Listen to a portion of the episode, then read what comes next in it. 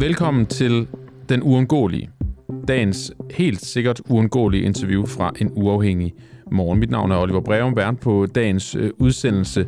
Og det interview, jeg synes, du skal høre, det er det interview, øh, jeg lavede med Jesper Ali Hanning. Han er udover at være selvstændig øh, fan af Andrew Tate og har fulgt ham igennem fem år. Det vi spørger ham om, og det vi taler med ham om, det er, hvorvidt om Andrew Tate er en misforstået mandecoach. Og generelt så diskuterede vi i morgens radio mandens rolle i det moderne samfund. Er han så bare en misforstået mandecoach? Eller er han udelukkende en, øh, en kvindehader? Jesper Ali Hanning, han var helt sikker på, at han øh, var en coach, der også hjalp mænd, mænd som ham selv. Glæder dig til at høre, hvordan han øh, fortæller om sit eget liv og sine egne problemer, og hvordan Andrew Tate netop har kunne hjælpe ham med det. Øh, er Andrew Tate øh, et misforstået, en misforstået mandecoach? Det er det, vi så spørger om i dag. Og vi vil jo rigtig gerne også øh, have jer derude med, som jeg sagde før. Men, men for ligesom at forstå det selv, så øh, skal vi tale med Jesper Ali Hanning nu. Han er, er selvstændig og har fulgt Andrew Tate igennem flere år. Andrew Tate bliver misforstået, fordi øh, hans klip bliver taget ud af kontekst. Det siger en håndfuld danske mænd, der øh, følger ham, som øh, TV2 har talt med. Og Jesper øh, Ali Hanning, jeg godt starte med at spørge dig der. Bliver øh, Andrew Tate misforstået? Ja, det synes jeg. Um, ja, fordi at hans budskab primært bliver gjort til, at det omhandler kvinder. Mm. Men hans budskab er i virkeligheden meget mere omhandlende mænd. Og hvis man ligesom ser lidt mere af hans videoer end mange af de klip, der florerer på Instagram, mm. så handler det meget om, at mænd skal gøre noget ud af sig selv. Og mænd, de skal arbejde hårdt, og som han siger, det er faktisk stop med at være nogle tabere. Mm.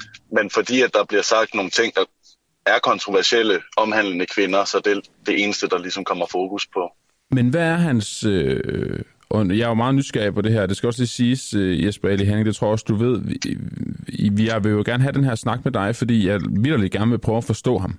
Øhm, mm. Og det, det er fedt, du gider. Men, men hvad er hans øh, råd og veje frem til det, du lige siger der med, at mænd for eksempel skal stoppe med at være nogle, nogle tabere?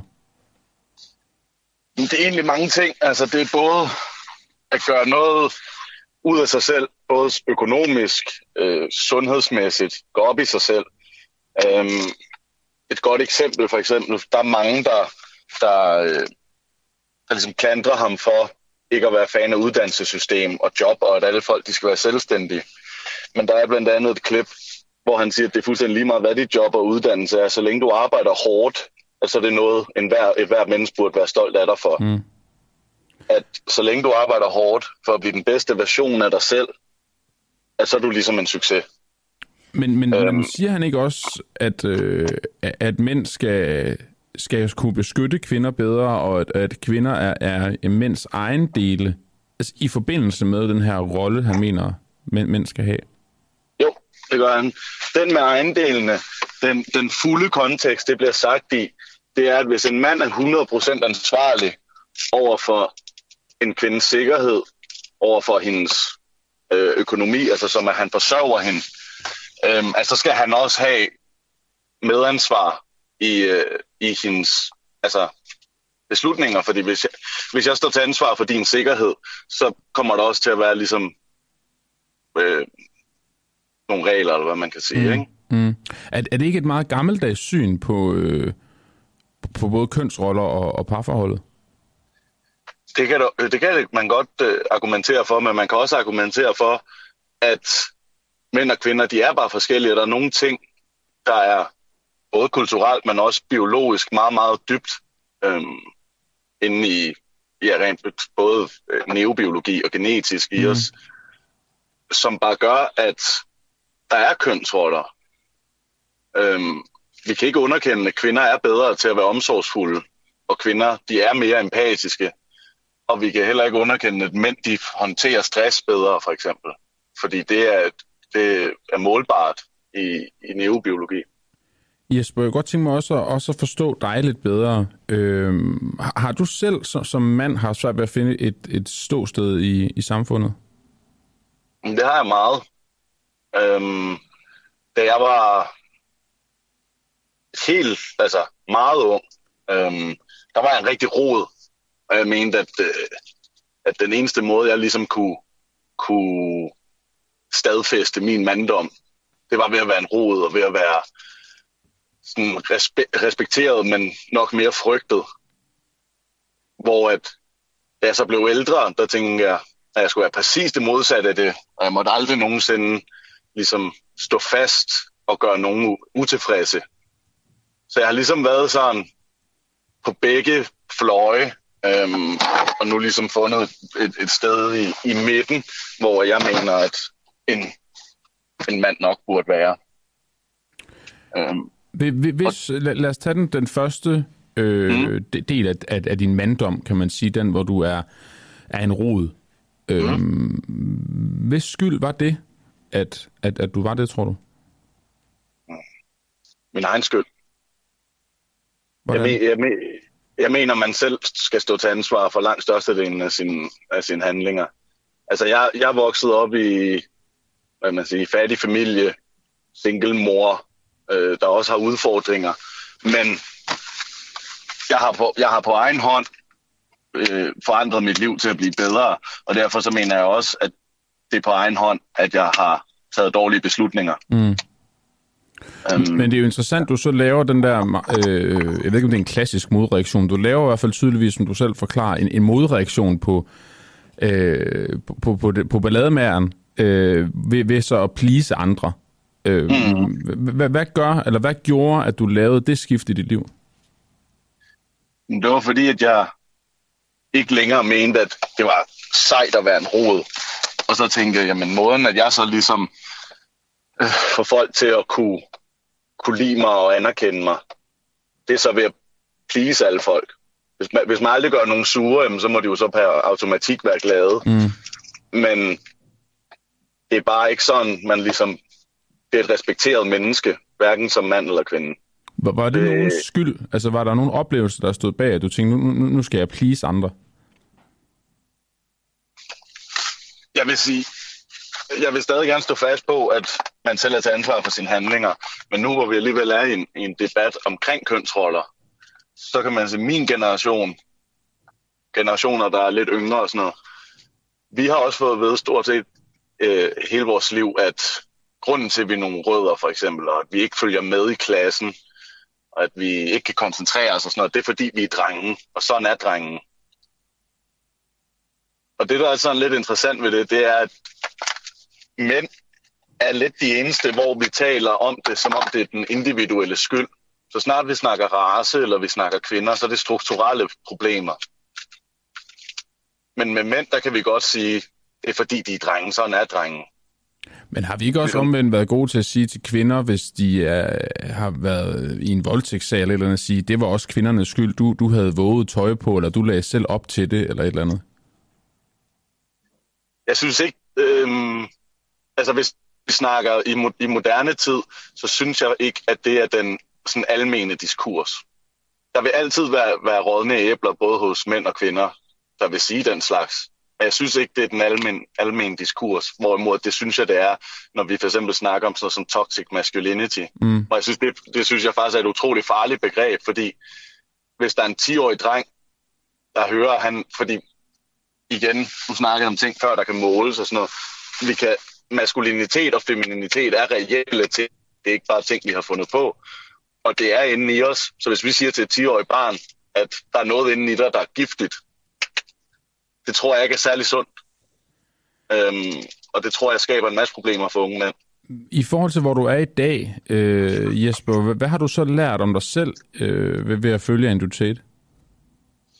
Mm, jeg, vil, jeg vil gerne lige brede den lidt ud og så sige folk som Andrew Tate, og ikke kun ham. Nej, det er okay. Som, ja, altså, jeg har lært at være mere rolig øh, i min måde at omgås andre mennesker på og lært at gøre noget ud af mig selv og respektere både mig selv og respektere andre mennesker.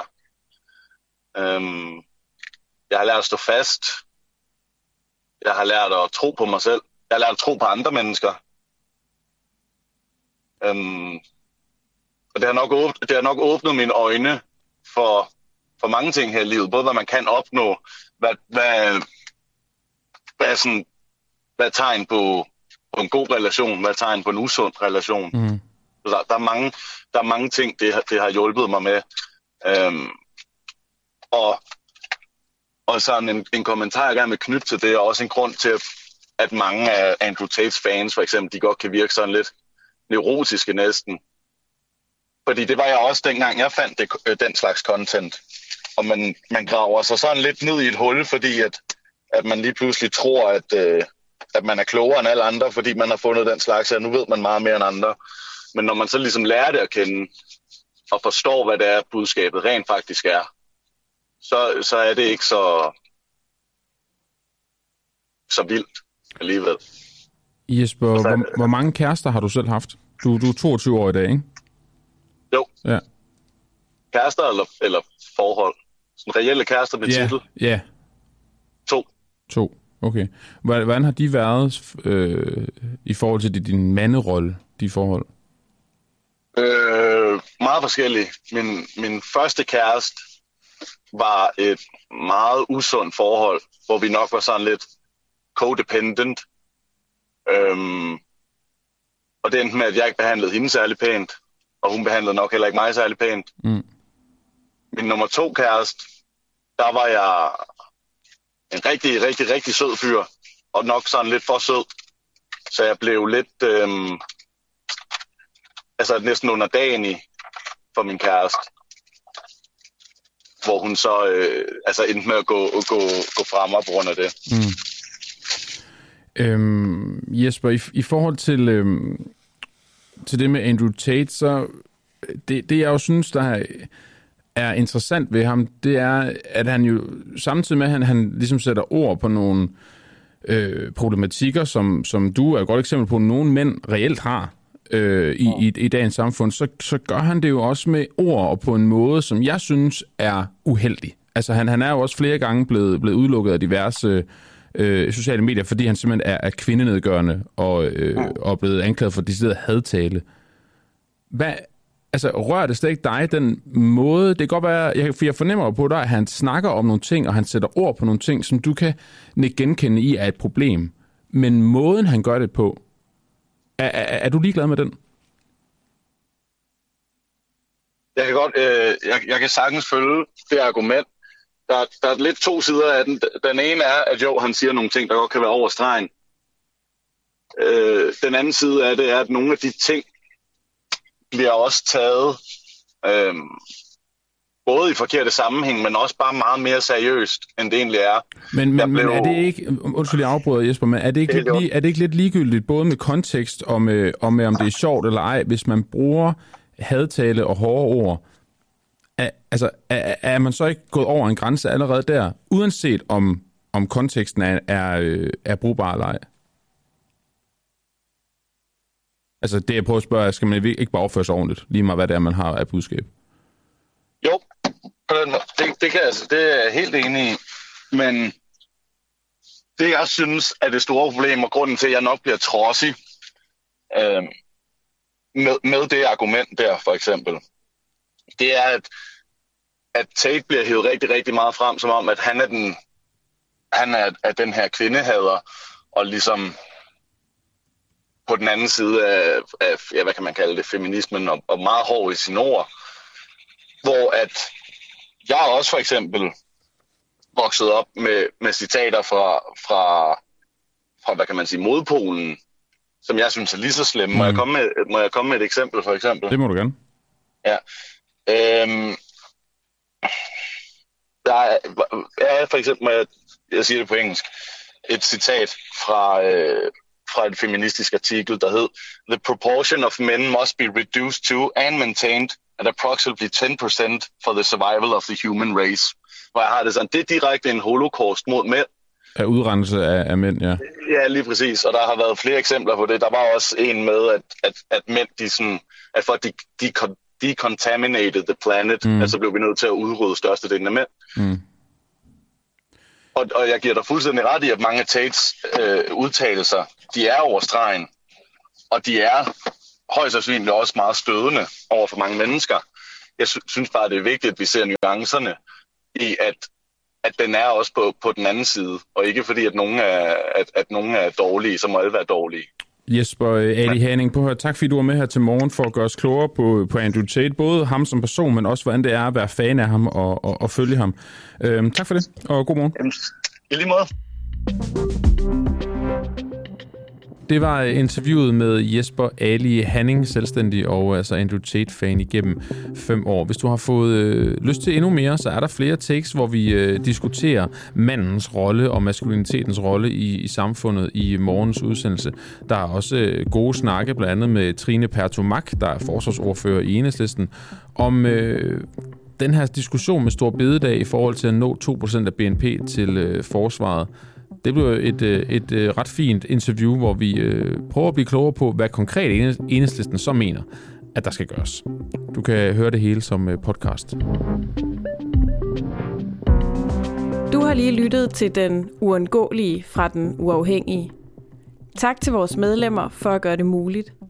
Du kan støtte kritisk og nysgerrig journalistik ved at blive medlem på duah.dk